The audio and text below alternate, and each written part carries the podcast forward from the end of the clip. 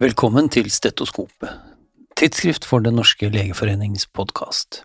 Hver annen uke med vår journalist Caroline Ulvin Johansson og helseaktuelle gjester i studio, og hver annen uke Redaktørens hjørne, der jeg, Are Brean, sjefredaktør i tidsskriftet, gir deg en høyst subjektiv gjennomgang av de nyeste forskningsartiklene, sakene og debattene i de største internasjonale generellmedisinske tidsskriftene.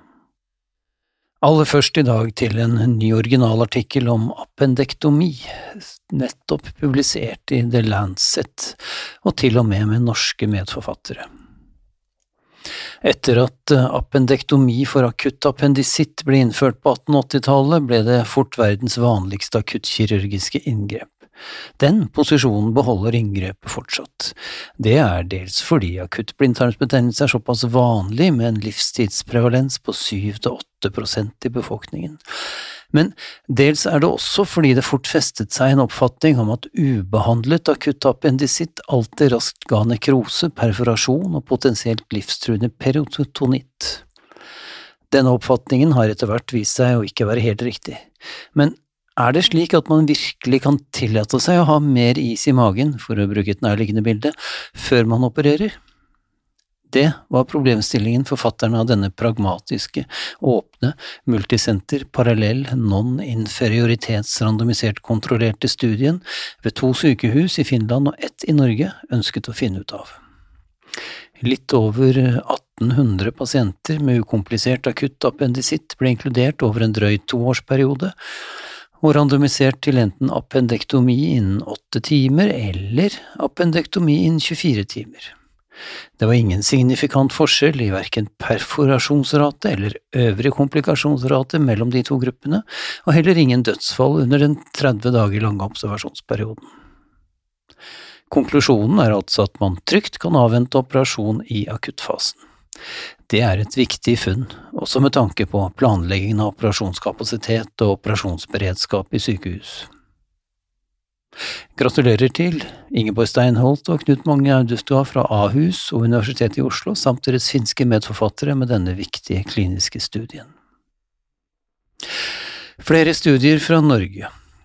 Solveig Hoffvind og medarbeidere har gjennomført en randomisert kontrollert studie av betydningen av å få invitasjonsbrev til brystkreftscreening på eget morsmål. Studien er publisert i British Medical Journal den 19. september.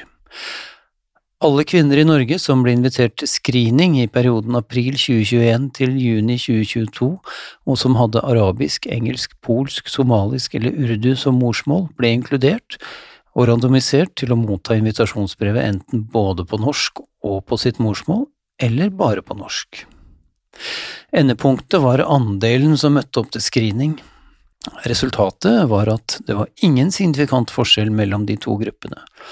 Både de som hadde fått invitasjonen oversatt til sitt morsmål, og de som ikke hadde det, hadde en oppmøteprosent på litt over 45 det er betydelig lavere enn oppmøteprosenten i den generelle befolkning, slik Hoffin og co. har vist i en tidligere studie. Og nå kan de altså fastslå at årsaken til det lavere oppmøtet ikke er så enkelt som at de ikke forstår språket. Eller at språk ikke er den eneste barrieren for kvinner fra innvandrermiljøer, slik Elisabeth Davies og Yue Soin Wang slår fast i en korresponderende lederartikkel. Og disse to nylige artiklene viser altså med all tydelighet at også negative studier kan ha meget viktige resultater. Vi skal over til covid-19 nok en gang. Nedsatt eller endret luktesans er en vanlig forekommende plage etter infeksjon med covid-19. For noen blir plagene langvarige, og et problem er mangelen på virksom behandling.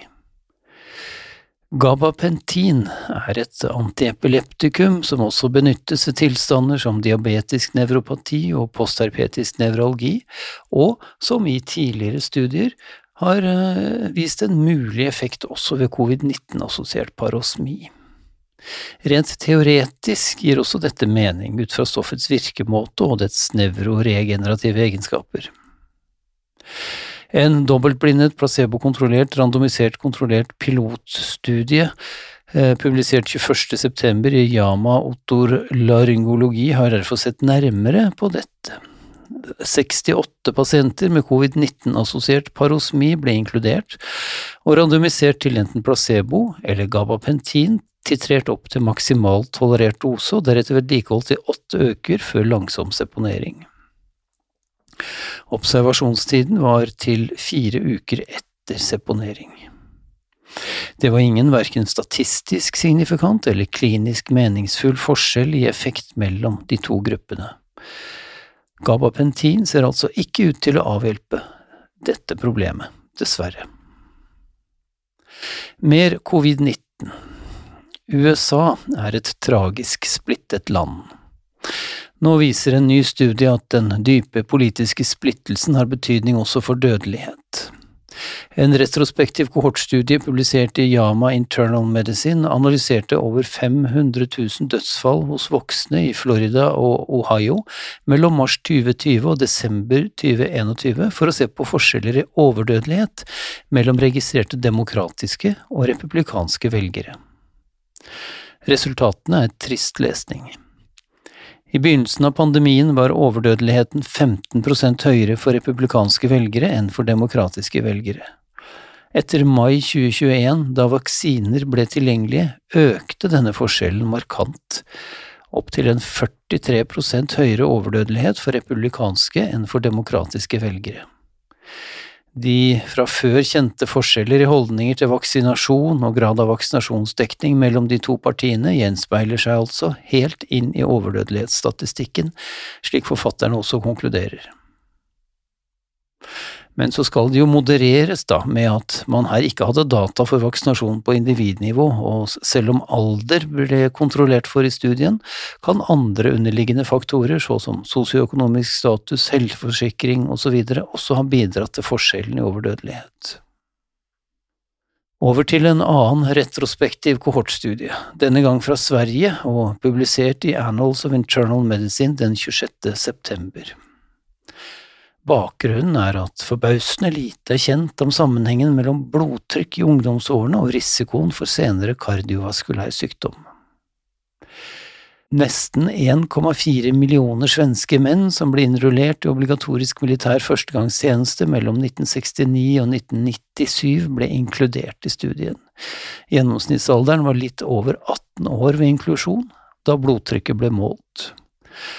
American Heart Association sine definisjoner for hypertensjon ble lagt til grunn for klassifiseringen, som viste at nesten 30% av rekruttene hadde forhøyet blodtrykk, definert som mellom 120 og 129 mm kvikksølv systolisk og over 80 mm diastolisk. Noe over 50% av dem hadde rent definitorisk en hypertensiv tilstand, vil si høyere blodtrykk enn 130 over 80. Endepunktene for studien var en komposittscore av kardiovaskulær død, hjerteinfarkt og iskemisk eller hemorragisk hjerneslag.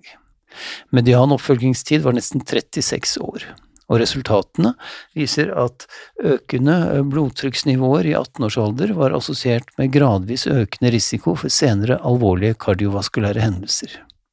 En risikoøkning som, skremmende nok, startet allerede ved ungdomsblodtrykk på 120 over 80 mm kvikksølv. Og når vi først snakker om hjerte-karsykdom. Fiskeolje på glass og flaske var for noe tid tilbake svært i vinden for å forebygge hjerte-karsykdom. De siste årene har imidlertid flere randomisert kontrollerte studier ikke greid å vise noen klinisk nytte av slike kosttilskudd for å forebygge hjerte-karsykdom.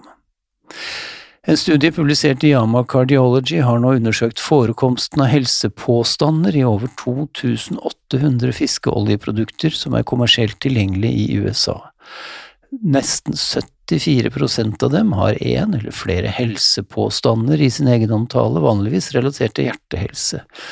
I tillegg undersøkte forskerne i denne studien det kombinerte innholdet av EPA og DHA i 255 produkter fra de 16 ledende produsentene av fiskeolje. Innholdet varierte fra 0,3 til 1,1 gram per døgndose, og ingen av produktene inneholdt en adekvat døgndose av EPA pluss DHA på 2 gram. Et raskt nettsøk på lignende produkter som selges i Norge, indikerer dessverre at substansløse påstander om helseeffekter av fiskeolje florerer også her, til tross for at regelverket for kosttilskudd fastslår at påstander om forebygging av sykdom er ulovlig. Det er visst rot i medisinskapet fortsatt både i Norge og i USA, men det har jeg sukket over før, til ingen nytte. Helt til sist i dag. Den italienske helseministeren Orazio Scilacci er i hardt vær for tiden. Scilacci er lege og nukleærmedisiner og en høyproduktiv forsker med over 400 registrerte vitenskapelige arbeidere bak seg. Før han ble helseminister i Melonis ytre høyre-regjering, var han rektor for et universitet i Roma, og før det igjen dekanus for Det medisinske fakultetet. Nå viser det seg at åtte av hans vitenskapelige artikler inneholder dupliserte bilder. Det er det samme bildet ved ulike anledninger påstår å vise celler fra ulike vev eller kreftceller. Det er tidsskriftet Science som skriver om dette i en nylig nyhetsartikkel. Nå spør man seg i Italia om han har forfalsket resultater, eller om han bare er slepphendt og omtrentlig i sin omgang med forskningsmaterialet. Selv mener han at han ikke har gjort noe galt, og at det er andre forskere som har levert de aktuelle bildene. Og skyld på andre er jo som kjent en strategi som av og til kan fungere i politikken, som i livet for øvrig, det har vi sett her hjemme nylig også. Men dessverre for Chilacci, heter han, eh, fungerer det i mindre grad i vitenskapen. Noen mener at universitetet må undersøke saken, jo før jo heller, men det kravet har universitetet ennå ikke svart på. I mellomtiden fortsetter Skilacci sin intense forskningsproduksjon, i tillegg til å være helseminister. Uansett, i Norge kan vi av og til sukke over å ha helseminister etter helseminister uten verken helsefaglig bakgrunn eller vitenskapelig erfaring. Men det er sannelig ikke så enkelt å ha en med begge deler heller, slik denne saken viser. Vi høres neste gang.